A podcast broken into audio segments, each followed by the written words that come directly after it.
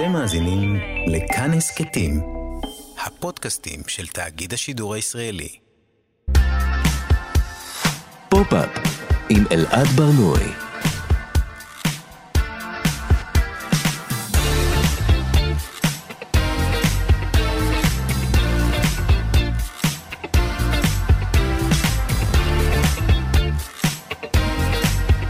שלום, בוקר טוב, כאן תרבות, אתם על פופ-אפ. בכל שבוע אנחנו מדברים כאן על התרבות שמעניינת באמת. אנחנו ב-105.3 ו-104.9 FM.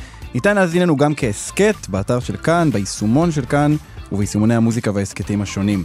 את התוכנית עושים איתי עיר וקסלר, טכנאי השידור, שלומי יצחק, טל וניגר, עריכת הגנום התרבותי. אני אלעד ברנוי, בואו נתחיל.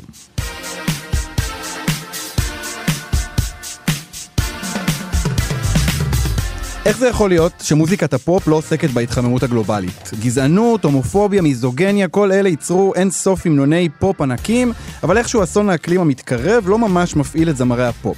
בעקבות השיר החדש והאקולוגי של לורד, ננסה היום בגנום התרבותי להבין למה זה.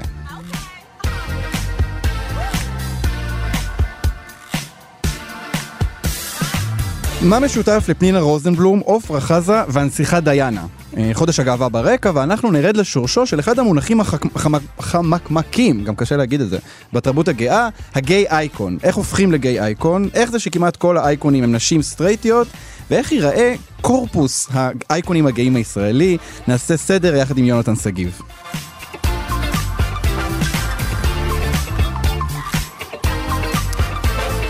השטן לובש את פראדה, חוגג 15 שנה, ואנחנו ננצל את ההזדמנות כדי להציץ קצת מאחורי הקלעים של עולם עיתונות האופנה ועיתונות הנשים.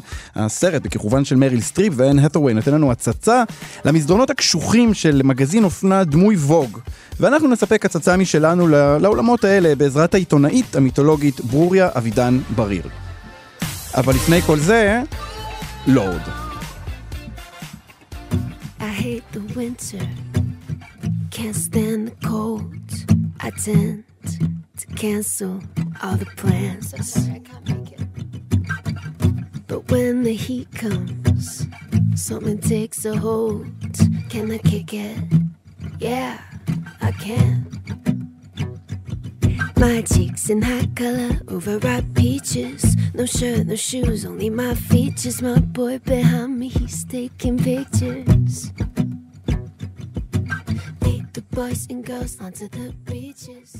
כאן תרבות, אתם על פופ-אפ, זו הייתה לורד עם שיר חדש שנקרא Solar Power. את לורד אנחנו זוכרים uh, מ-2013, uh, בגיל 16, הזמרת הניו זילנדית פרצה לחיינו uh, עם הלהיט הענק Royals. Never be היום היא כבר בת 24, ובקליפ ל Solar Power היא מאוד מאוד שונה ממה שהורגלנו, היא רוקדת בחוף, כמו היפית, היא כבר לא סופרת את הכסף בדרך למסיבה, אלא מעשנת שומר, כן, אמרתי, מעשנת שומר, אה, מתחברת לטבע ושרה על אנרגיה סולארית. אה, עכשיו, בעקבות מה שמסתמן כלהיט האקולוגי הראשון של התקופה, היום בגנון התרבותי אנחנו ננסה להבין איך זה שהפופ מייצר בעשורים האחרונים כל כך הרבה המנונים פוליטיים בכל נושא אפשרי, אבל לא נוגע בהתחממות הגלובלית. בואו נתחיל. הגנום התרבותי. מוזיקת פופ ואי-פופ תמיד עסקו בנושאים הפוליטיים הבוערים של כל תקופה. מלחמה, גזענות, הומופוביה, מיזוגניה, הגירה, אלימות, פערים מעמדיים. עיסוק שהלך והתגבר בעשור האחרון של מלחמות זהות תרבותיות. אנחנו כבר רגילים לשמוע המנונים מהסוג הזה.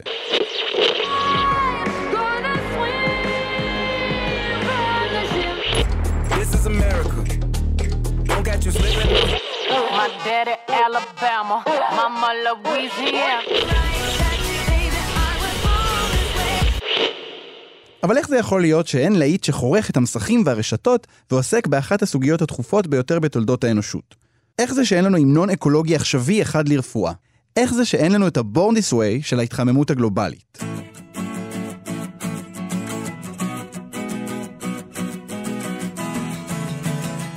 נדמה שמאז תחילתה של המוזיקה הפופולרית, זמרים שרו על הסביבה ועל הסכנות שבפגיעה בטבע. אבל התנועה המרכזית של שירה בנושא הטבע החלה בעקבות תרבות הנגד ותנועת האנטי-גלובליזציה של שנות ה-60 בארצות הברית ובאירופה. קט סטיבנס, הביץ' בויז, ניל יאנג, רנדי ניומן, כל אלה עסקו בשירים שלהם בחשיבות שבהגנה על הסביבה. אבל ההמנון האקולוגי הראשון הוא ככל הנראה של ג'וני מיטשל. That you don't know what you've got till it's gone. It pays paradise, put up a parking lot. בלהיט הגדול ביותר שלה, ביג ילו טקסי מ-1970, מיטשל מתארת עולם שבו לקחו את כל העצים והעמידו אותם במוזיאון, וחייבו את האנשים בכסף רק כדי לראות אותם. היא אפילו קוראת שם לחקלאים להפסיק להשתמש ב-DDT, חומר הדברה שכמה שנים קודם לכן התפרסם כמזיק לבעלי חיים ולבני אדם.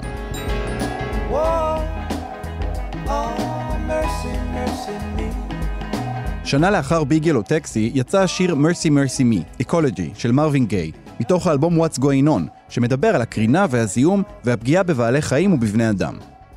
גיי היה חלק מתנועה רחבה של מוזיקה שחורה בארצות הברית שהצטרפה לתנועת הנגד ולמאבק נגד המלחמה בווייטנאם, ובתוך כך הזכירו את העוולות שארצות הברית והמערב בכלל ביצעו בטבע ברחבי העולם. בניגוד למיתוס שגורס שמוזיקאים שחורים עסוקים בעיקר במחאה נגד גזענות בארצות הברית, דווקא אפשר לזהות לאורך השנים שורה ארוכה של מוזיקאים שחורים, מסטיבי וונדר, דרך טרייסי צ'פמן ועד צ'יילדיש גמבינו, שהבינו שהראשונות שיסבלו מזיהום ומאסון אקולוגי הן קהילות עניות ומוחלשות, ושהמאבק נגד ההתחממות הגלובלית הוא ללא ספק מאבק פוליטי.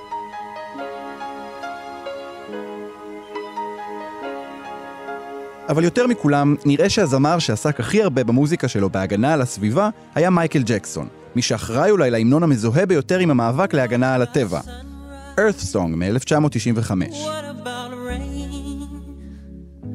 What about all the things that you said we were to gain? השיר עוסק באופן מפורש בהרס שהאדם ממית על הסביבה, כשהוא שואל מה עם בעלי החיים ומה עם החופים, וחוזר ומטיח במאזינים מה עשינו לעולם.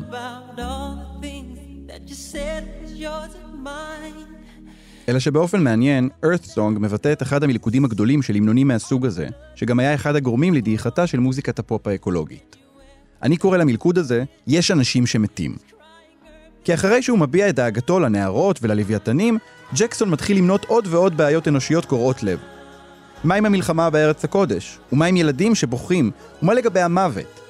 ככל שהשיר ממשיך לגעת בעוד נושאים, כך הוא הולך ונעשה כללי, מתרחק מהמחאה האקולוגית שלו, ומוחה על כך ש... ובכן, אנשים מתים.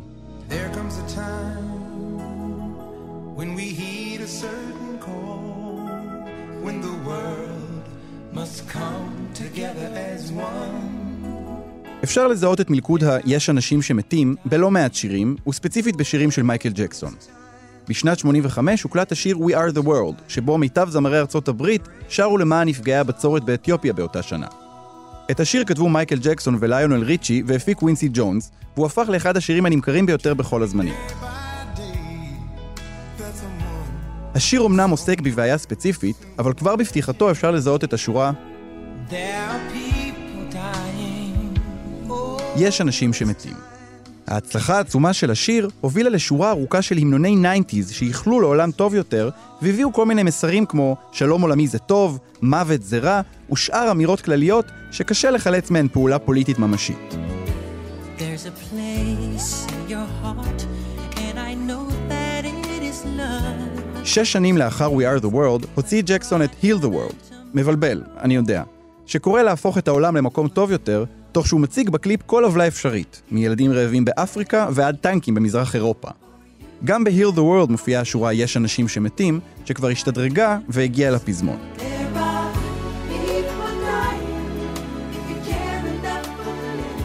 באופן אקראי לחלוטין, ואולי בעצם לא ממש, יש אנשים שמתים הפכה גם לאחת השורות המזוהות ביותר עם דוקו הריאליטי משפחת קרדשיאן. כשקים בוכה על כך שאיבדה את העגיל היקר שלה, שעלה 75 אלף דולר. אחותה קורטני נוזפת בה. קים, יש אנשים שמתים. קורטני קרדשיאן צודקת, באמת יש אנשים שמתים. זו דרכו של עולם, אנשים חיים, ואז הם מתים. אלא שכששירת הפופ נגד התיעוש והפגיעה בטבע החלה להפוך בשנות ה-80 וה-90 למחאה נגד דברים עצובים כלליים כמו מוות או מלחמה, המחאה איבדה את העוקץ שלה והחלה לדעוך.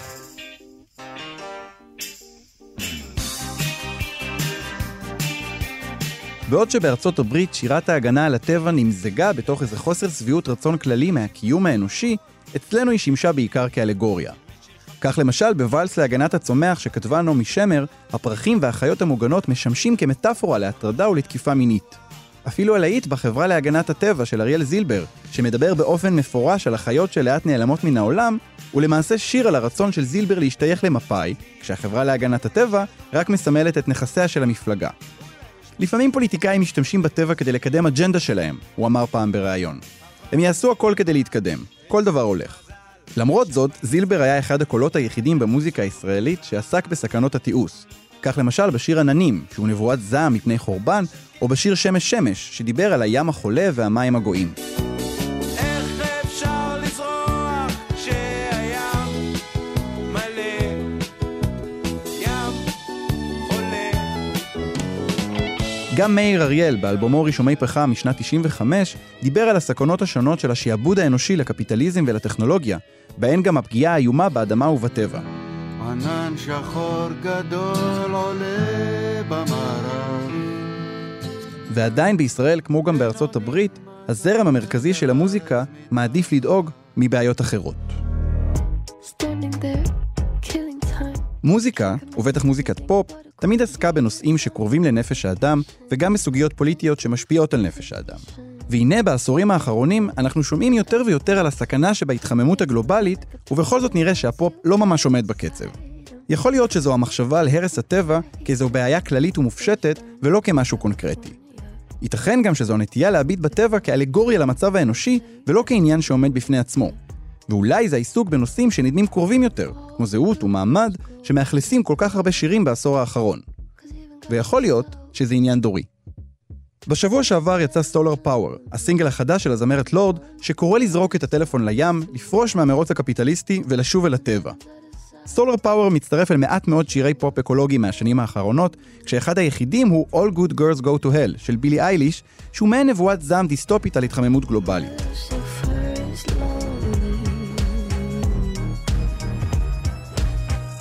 לורד נולדה בשנת 96 ואייליש בשנת 2001.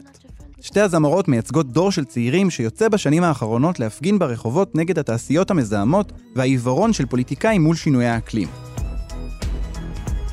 אז למרות שעדיין לא יצא ה-Born This Way של ההתחממות הגלובלית, אם עתיד הפופ נמצא בידיהם של הדור הזה, אנחנו כנראה צפויים לשמוע בעשורים הקרובים אין ספור המנונים אקולוגיים זועמים, שיגידו הרבה יותר מ"יש אנשים שמתים".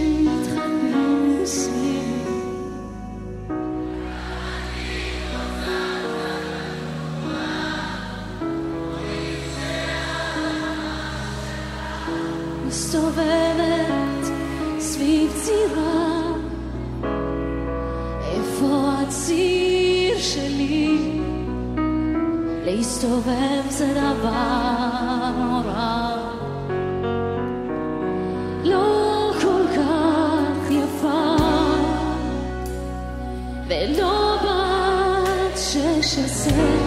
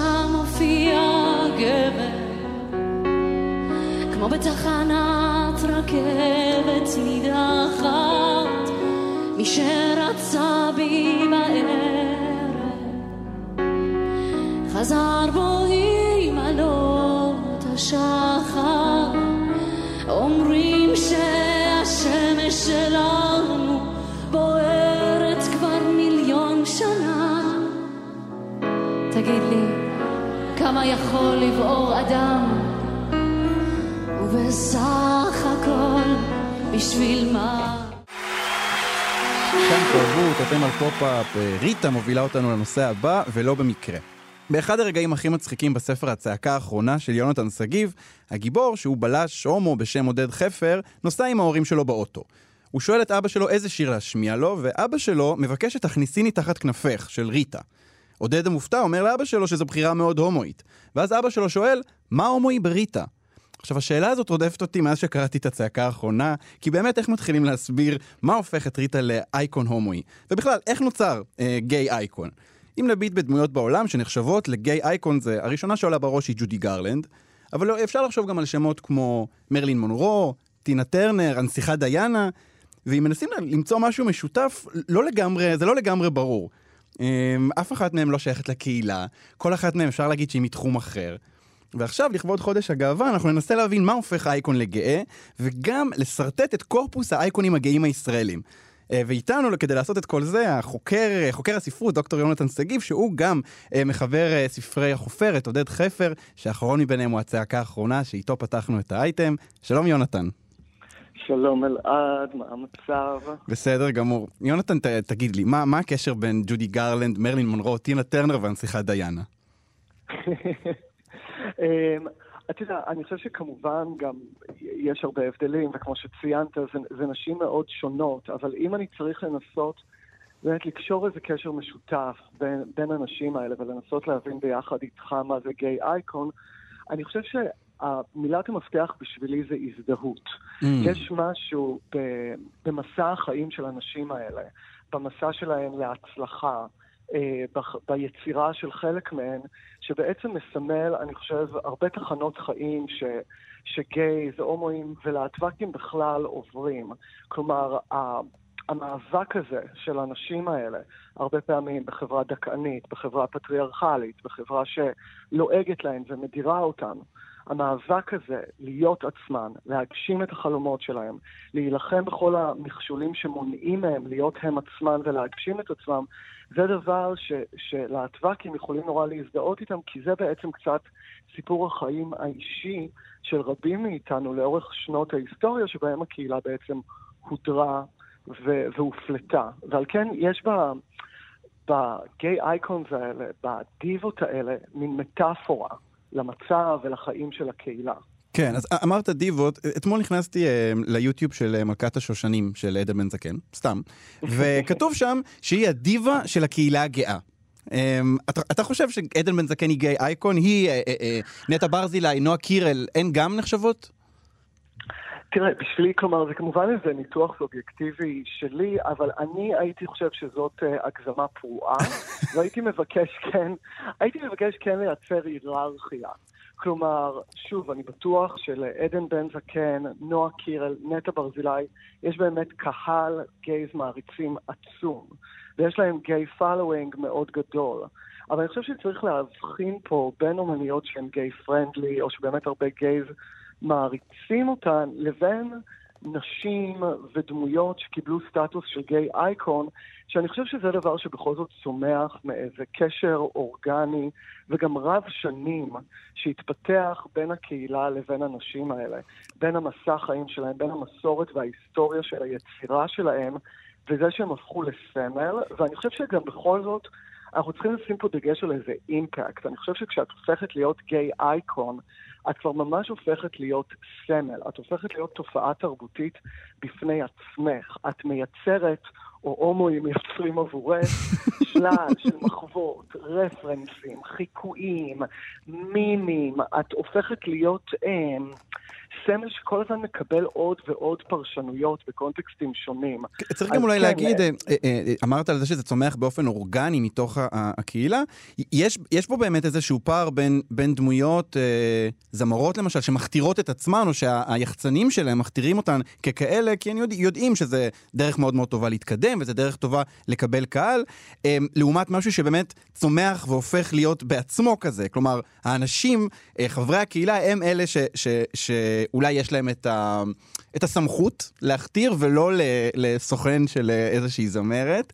אמ, אני, אני רוצה להגיד לך, יונתן, אנחנו אתמול ישבנו פה במסדרונות התאגיד, וניסינו לחשוב ביחד על אה, כל מיני שמות. אנחנו עוד מעט נתחיל לעשות ממש את, ה, את המפה של הגיי אייקון הישראליות, אבל כשהתחלתי ל, ל, להסביר קצת מה בעיניי אה, הוא גיי אייקון, אז אנשים הופתעו ש, שהשמות שאני מעלה, הם היו, 100% מהם למעשה לא היו חברים בקהילה.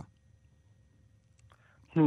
אני חושב, אתה יודע, גם בשבילי זה, זה, זה נכון, כלומר, כמו שאמרתי, הן לא צריכות להיות בכלל, שוב, אני כל הזמן אומר, אה, משתמש בגוף אה, אה, של נשים, כי אני חושב שהרבה מהם גם נשים, למרות שאני חושב שגם גיי אייקון במובן מסוים בוב ספונג' הפך להיות גיי אייקון. נכון, נכון.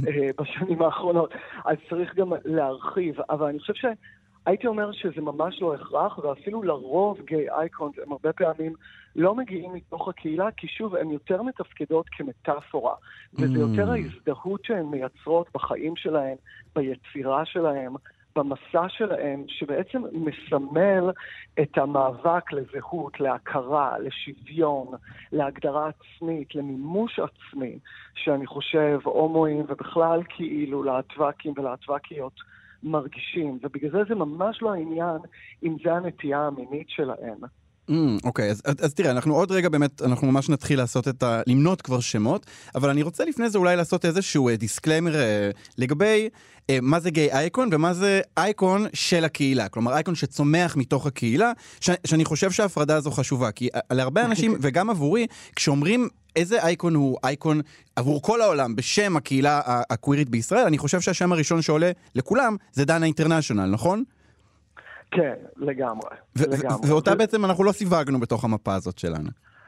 זהו, זו הבחנה נורא מעניינת שאני עדיין מתלבט לגביה, אבל אני חושב שאני מסכים איתך. כלומר, יש משהו, כלומר, ברור שדנה אינטרנשיונל היא אייקון, ובמובן מסוים אפשר לומר שהיא כיום אחד האייקונים, המגה אייקונים. הייתה כנסייה של הלהטבקיות הישראלית. דנה אינטרנשיונל הייתה כזה מצוירת בוויטראז'. נכון. אה, ונדמה לי שהאמת היא אכן מצוירת על אה, בית ה... הקהילה בגן... אה, המרכז. הגאה, נכון, נכון, כן. אני מסכים איתך, אני אוהב את ההבחנה. אני בעד הבחנ- הבחנות ואני בעד הטקסונומיה הפוקויאנית שאנחנו עושים פה לגיי אייקון, שאני חושב שבמובן הזה, כן, דנה כאילו צמחה מתוך הקהילה. אמ, היא במובן מסוים הדוברת שלה, או אחת הדוברות שלה, היא אחת המייצגות שלה.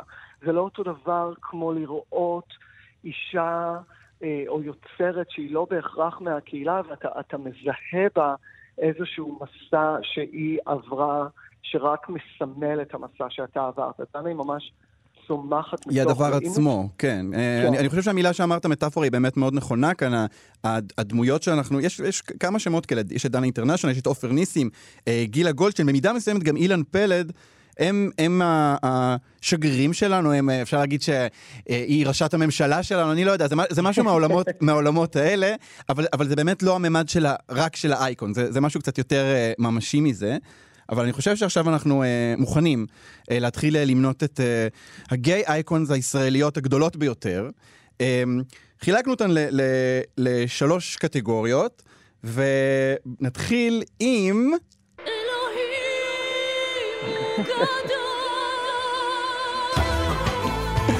טוב, אז אה, ריטה היא הנציגה הראשונה שלנו. מה, אה, יונתן, מה, מה ריטה מייצגת בשם כל האייקונים? איזו התרגשות, אני כל כך מתרגש מה, מה, מהמצעד הזה, מהדירוג הזה. אני גם. אמ, אני חושבת, תראה, אני חושבת שהרבה מהעניין אצל ריטה זה, זה ההופעה הבימתית, ששינתה לחלוטין את איך שאנחנו חושבים על, על פופ ועל מוזיקה אה, בישראל, ואני חושבת ש, שפה האבחון המיוחד של ריטה זה הופעה שהיא גדולה מהחיים. Mm. זה לחיות את הרגש עד הקצה, זה לתת דרור לכל התחושות הפ- הפנימיות שלך, ולהיות גאה בהן ולהפוך אותן לאומנות. וכשאתה חושב על זה, אני חושב שיש בזה משהו כל כך עוצמתי וכל כך משחרר בהקשר של הקהילה, כי זה אנשים שמבקשים מהם, נכון, לאורך ההיסטוריה, לאורך הדורות, להדחיק את הרגשות נכון, להדחיק כן. את הזהות, להדחיק את התשוקה. והנה באה ריטה, והנה באות אומניות מהסוג הזה, ו- ומסמלות את ה...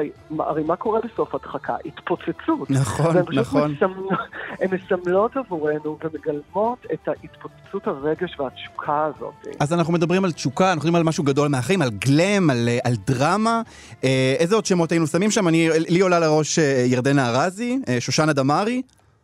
לגמרי, יפה ירקוני אני אוסיף, אה, חווה אלברשטיין, אולי מהדור ה- הצעיר יותר, יש לנו גם את דקלה ואת שירי מימון, שאני חושב נותנות כאילו שואים מטורפים, ספוגי רגש. כן, כן, אפשר אה, גם אה, באמת אה, חווה אלברשטיין ב- בימיה, אולי באייטיז קצת יותר, אבל, אבל אני חושב שגם היא נכנסת תחת הקטגוריה הזו של איזשהו משהו ש... מישהי שעומדת על הבמה ו- ו- ונותנת את כל מה שיש לה, ואנחנו אה, אה, בתור קהל מזדהים, זה, זה בעצם הדמות הקלאסית של הדיבה, אני חושב שאולי רוב האנשים, כשאומרים להם אה, גיי אייקון, זה הדבר שעולה להם... לראש, ואני חושב שמכאן אנחנו נמשיך לקטגוריה השנייה שלנו, ואנחנו נמשיך עם... השוקל.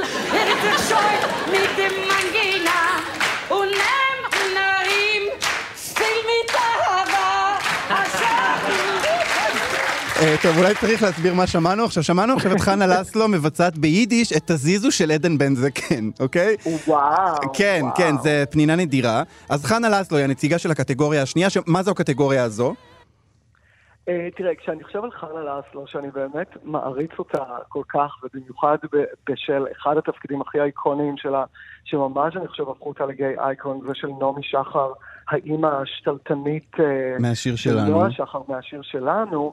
אתה יודע, אני חושב על קומיות אדירה, אני חושב על קמפיות, אני חושב, עולה לי המילה שופע לראש. Mm, יש משהו בחנה לסלו, בכל הדמויות שהיא גילמה, במנקה קלרה, בסבתא זפטה, גם כשהיא פשוט היא עצמה, זה מין שפע לא מתנצל, זה כן. הגזמה אסתטית, זה... ומה שאני הכי אוהב זה זלזול במה שנחשב נאות ומהוגן. mm. ויש משהו בחציית גבולות הזאת, שגם אינהרנטית לקומדיה כז'אנר, אבל גם אינהרנטית לקמפיות ולטראש, שגם נורא מגלם ומשקף הרבה מהדברים של, שלפעמים להטבקים היו צריכים לעשות כדי, כדי להגשים את עצמן ואת כן, עצמם. כאילו כן. לחצות גבולות. ג- גם באמת יש בדבר הזה איזשהו ממד אה, אה, של התנגדות. אה, אני חושב שבשמות אה, הישראלים שאפשר להביא כאן, אז אה, אנחנו דיברנו על, על גילת אנקורי, על אילנה אביטל, שהיא גם מתאימה כאן, פנינה רוזנבלום, נכון? כן, כן, אני אפילו קצת בא לי לזרוק גם את ציפי שביט. ציפי שביט, אני מסכים. אני מס... אה, אה, איזשהו עניין, כן, ואני חושב, אני גם לגמרי אגיד מה, אוסיף על מה שאמרת, התנגדות, והתנגדות שהיא לא מתנצלת. Mm. כי היא פשוט כאילו, היא קומית, זה, to own yourself, וזה פשוט כאילו להיכנס כפיל מאותר בחנות חרסינה ולפוצץ את כל, ה, את כל הריטואלים והטקסים. אז עכשיו אנחנו מגיעים אה, לנציגה השלישית שלנו, והיא...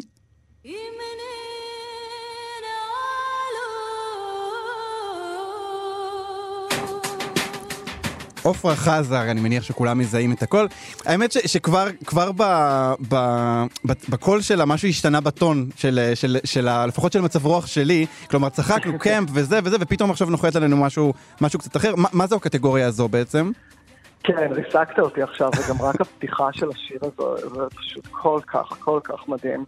תראה, אני חושב שפה אנחנו הבח- הבחנו את זה מהגלם והדרמה, כי אני חושב שעופרה חזה מסמלת אה, גיי אייקונס שגם הסיפור חיים שלהם הוא ההשראה לעיתים ה... זה תמיד השראה, אבל לעיתים היא, היא גם חיובית ולעיתים היא גם עצ, עצובה או, או טרגית. אמ, כי זה סיפור חיים ש, שמגלם בתוכו גם מה שדיברנו עליו, על להצליח בכל מחיר, על להגיע מ, מרקע אה, שלפעמים היה אמור לשחק נגדך, בין אם זה רקע סוציו-אקונומי נמוך, או כן. להשתייך לאתניות הלא נכונה, או להיות אישה, להשתייך למגדר, במרכאות הנחות חברתית ולהצליח. כן. אבל מה שגם מגלם את ה... אני חושב ומעורר את ההזדהות האדירה ואת הרגש האדיר, זה שלפעמים זה גם סיפורים טרגיים, ואת הסיפורי, גם סיפורי הכישלונות וההתרסקות. כן, כן, האמת שהשמות שהעלינו ב- בהקשר הזה, אז, אה, אז כמובן זה עפרה חזה, אבל גם זה רונית אלקבץ, אה, ולהבדיל, אה, מרגלית צנעני ומאיה בוסקילה, אני חושב ששתיהן מייצגות גם איזשהו נתיב גם של, של איזשהו כישרון נורא, נורא גדול, ואיזשהו מנגנון של אה, או של כישלון, או של אפילו הרס שאפשר אה, אה, להבחין בו, וזה מייצר באמת איזושהי טרגדיה. אני חושב ש, שאולי ה, ה, המילה שלא אמרנו כאן וצריך להכניס כאן ל, ל, לשולחן זה, זה סבל. אני חושב שסבל זה איזשהו משהו מרכזי במה שהופך גיי אייקון לגיי אייקון. ג'ודי גרלנד שהזכרנו אותה בהתחלה, והיא האימא של כל הגיי אייקון, הדבר שאולי הכי מאפיין אותה זה מצד אחד גדולה מהחיים, אה, שופעת, מצחיקה, היא, היא מכילה את כל הדברים האלה, וגם סיפור חיים טרגי, סבל, וכמובן גם הסוף שלה. אמ, אז אה, טוב, אז יונתן, אנחנו בעצם נבחנו כאן בשלוש קטגוריות של גיי אייקונס. אה, הראשונה זה גלם ודרמה, שהמייצגת של הזוריטה. הקטגוריה השנייה זה קמפ ושפע, אה, הומור, וזו חנה לסלו. והשלישית זו הטרגדיה, ואיתה, ופה יש לנו את עופרה חזה. יונתן שגיב, זה היה פשוט מרתק, אני חושב שעשינו שירות אדיר לקהילה, אני חושב ששנים עוד ימשיכו להאזין לשיחה הזו שלנו ולהשתמש בה, אז תודה רבה לך יונתן. תודה לך, היה לי לכבוד ולעונג. תודה יונתן להתראות. אה, ומעופרה חזה אנחנו ממשיכים לאריאנה גרנדה, מי שלטענתי הנשמה של עופרה התגלגלה אליה, אריאנה גרנדה, No Tears Left to Cry. Right now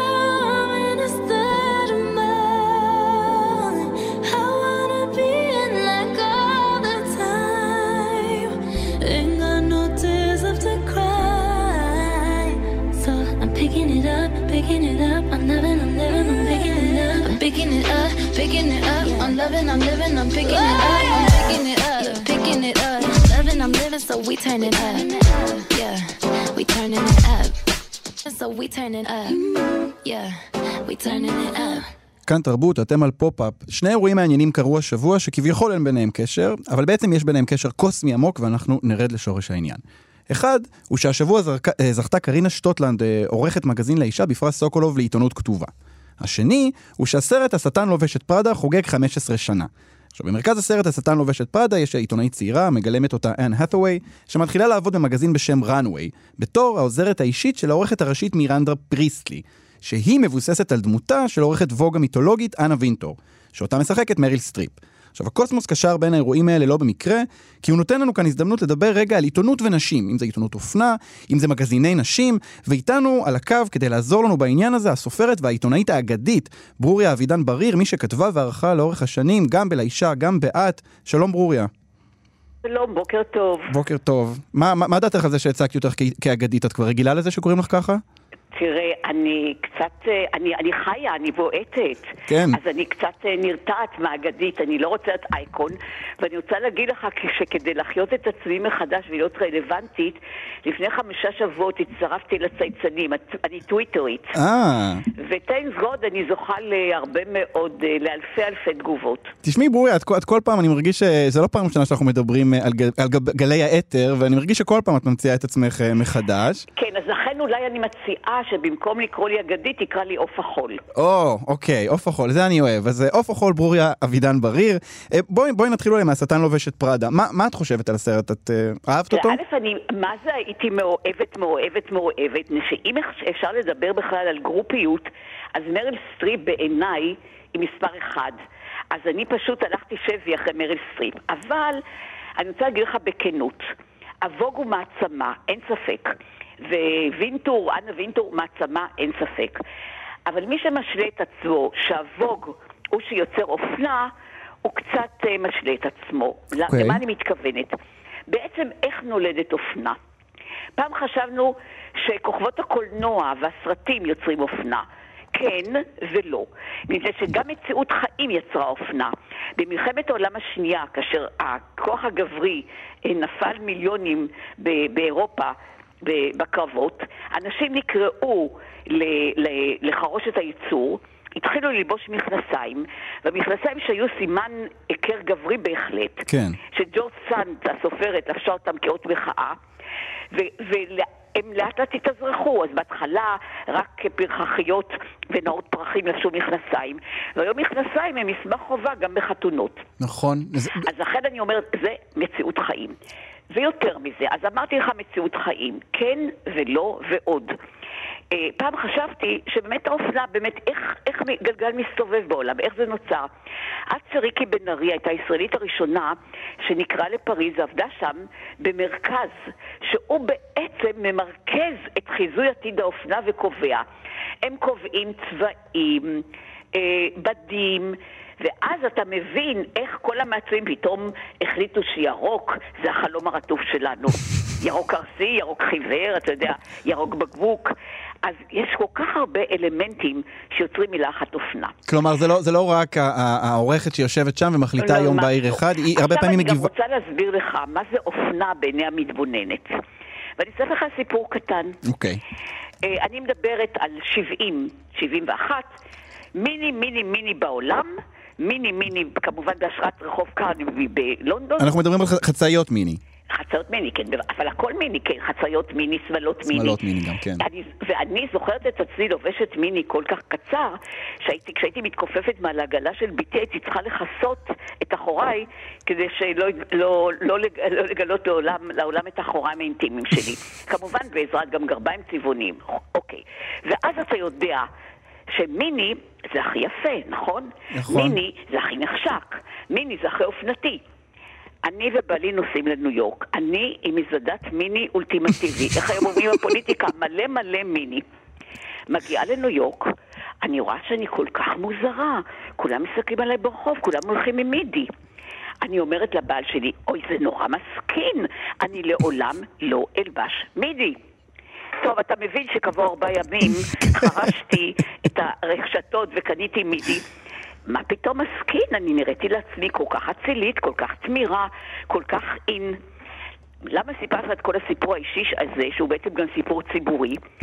שאופנה, תעשה לה הדבקה, הצמד, ותייג אותה עם טרנד. כן, כן, זה, זה ממש נכון, אני, אני, אני חושב על עצמי עם הדברים האלה, אני לפעמים רואה משהו והוא נראה לי כל כך מכוער, ואז אני רואה אותו מספיק פעמים ופתאום הוא הופך להיות יפה. בדיוק. אבל ועוד אלמנט של אופנה. פעם להיות אופנתי, סלש, להיות מקורי, יחידאי, אחר, בולט. כן. היום לא. כולנו רוצים להיות אותו דבר, כולם יוצאים אותם שטנט, אותם שפתיים של מוצצות, אותם בגדים, וכמובן הבא היה של היוניסקס. כשאת מקפלת כביסה, את לא יודעת אם את מקפלת את הכביסה שלה או שלו. אמ, אמ, ברורי, אני רוצה לשאול אותך, את בשנותייך במסדרונות אה, מגזינים אה, של נשים, או של לא רק, נתקלת בדמויות כאלה של עורכת כזו, מפחידה, מאיימת, שכל מילה שלה זה פחד אלוהים? טוב, אז עכשיו אני אומר לך אה, דבר מצחיק. אה, בשנת, אה, בשנת 69 הוזמנתי למפגש עולמי שאורגן על ידי אלנה רובינסטיין. היורשת של אלנה רובינסטיין הייתה בת דודתה, והיא עשתה את המראה החדש של מיקונוס. אוקיי. מיקונוס. והזמינו אותנו לאתונה, משם לקחו אותנו ליאכטה מפוארת, והגיעו מיטב העיתונאים ועיתונאיות האופנה בעולם. ועכשיו תבין למה אני, התשובה שלי היא כל כך קולעת לשאלה שלך. מה ציפית לראות? את הנשים הכי יפות. נכון. בייחוד שידעתי שתגיע הקובעת של גרדיאן, כל הקובעות והקובעים. טוב, ככה, הגברים כמובן היו הומואים, זה ברור, ברור. צפוי מראש. ומרבית הנשים היו, מה זה זקנות ומכוערות? אנשים שקבעו גורלות, שהעלו או הפילו מעצבי אופנה עולמיים, היו נראות כמו תגרניות בשוק. השבתי לך. אה, אבל... עכשיו, כל הערוכות, אני לא הייתי אף פעם עורכת ראשית של האישה, הייתי משנה לעורך, נכון. אבל האורחות, בהתחלה שנים היו גברים, אז השאלה שלך מיותרת. אבל אנשים, אני לא יודעת איך קרינה שטוטלנד, שאני כבר לא מהתקופה שלה, אני לא יודעת איך היא לבושה. בצילומים היא נראית אחלה אחלה של אישה מקסימה, אבל אה, כל האורחות היו תת רמה בתלבושת. לא, אבל, אבל, אבל, אבל ברוריה, מעבר ללוק, מבחינת האטיטיוד, כי, כי הרי אה, מירנדה לא, פריס... לא, לא, לא, תשמע, זה לא... זה, זה, זה כן, בידיעות אחרונות, בעיתונות של החדשות והמוספים כן, בעיתונות נשים לא. תראה, העניין הזה של אחי ואחותי, או sisterhood, הוא מאוד מאוד היה פעיל, Mm. מאוד אקטיבי בעיתונות נשים. לא, לא, לא, לא. אני מבין, אני מבין. אוקיי, טוב, זה, זה משמח לשמוע. הזכרנו את, אה, את אה, קרינה שטוטלנד. אני חושב שיש היום איזושהי תפיסה אה, של עיתונות נשים, אולי זה לא רק היום, כשטחית, כמתעסקת בדברים שהם כאילו לא חשובים, אופנה, ניתוחים פלסטיים, קוסמטיקה, והנה היא זוכה בפרס הכי יוקרתי שיש לעיתונות. זה מפתיע אותך? תראה, אה, אה, אני לא נולדתי אתמול כידוע לך. אז ראשית דבר, ברכותיי לקרינה, שהיא אחת האורחות המוכשרות של עיתונות נשים שקמו אי פעם בישראל. באמת ברכות. והיא באמת עושה עבודה יוצאת מגדר הרגיל. אה, זה דבר אחד. דבר שני, אה, תרשה לי להגיד שאני קצת, וכמובן שאני גם יודעת שאת פרס סוקולוב לא מופרך מהאוויר. יש לובי, יש לחצים, הכל בסדר, משחק מכור, הכל טוב. אבל אני, באגו המסכן שלי, שהולך ומתכווץ משנה לשנה, אה, אני קצת נעלבתי. מכיוון שאני הייתי הראשונה בעיתונות הנשים במדינה שלחמה של לאישה, שהכותרת משנה שלו הייתה שבועון עממי לבית ולמשפחה, לא יהיה רק נשי. ולחמתי הרבה מפני שכל האורחים היו גברים, והם ייצגו את השיטה הפטרונליסטית.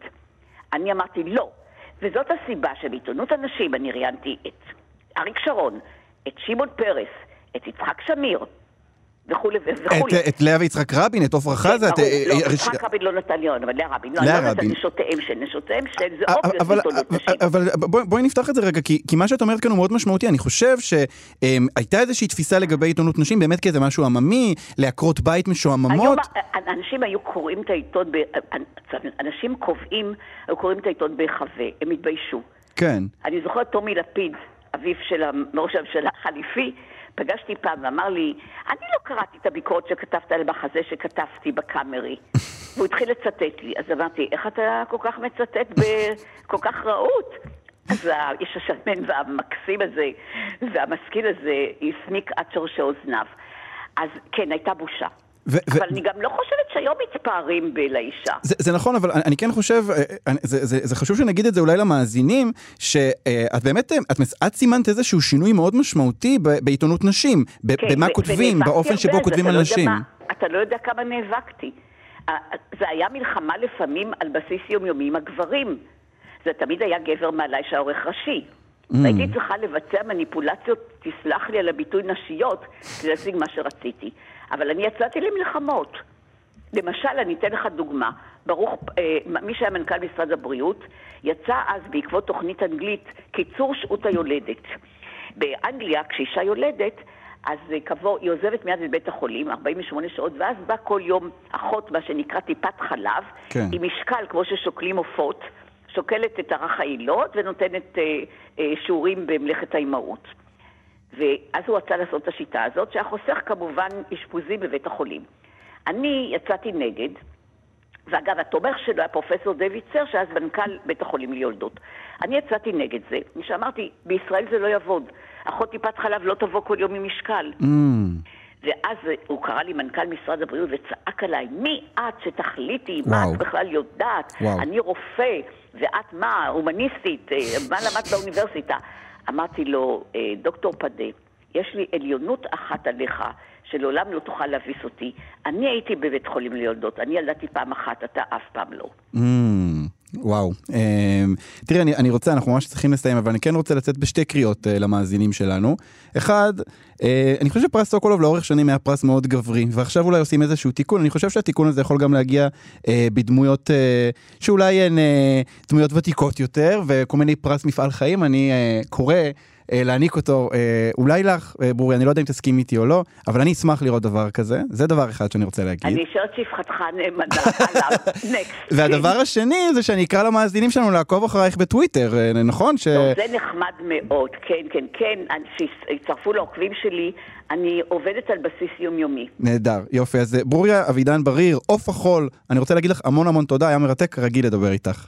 אני מודה לך. להתראות. בוקר טוב. וזהו, אנחנו הגענו לסיום התוכנית. אה, אתם מוזמנים לעקוב אחרינו בדף הפייסבוק של כאן תרבות. את כל השירים של התוכנית אפשר למצוא בפלייליסט מתעדכן בספוטיפיי.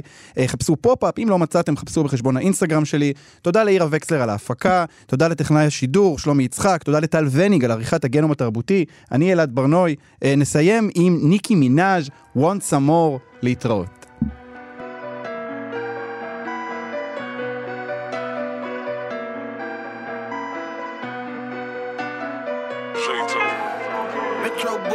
Want some more, nigga. Want some more? Want some more? Even though a nigga been getting to it. Want, want, want some more? Still want some more? Want some more? אתם מאזינים לכאן הסכתים, הפודקאסטים של תאגיד השידור הישראלי.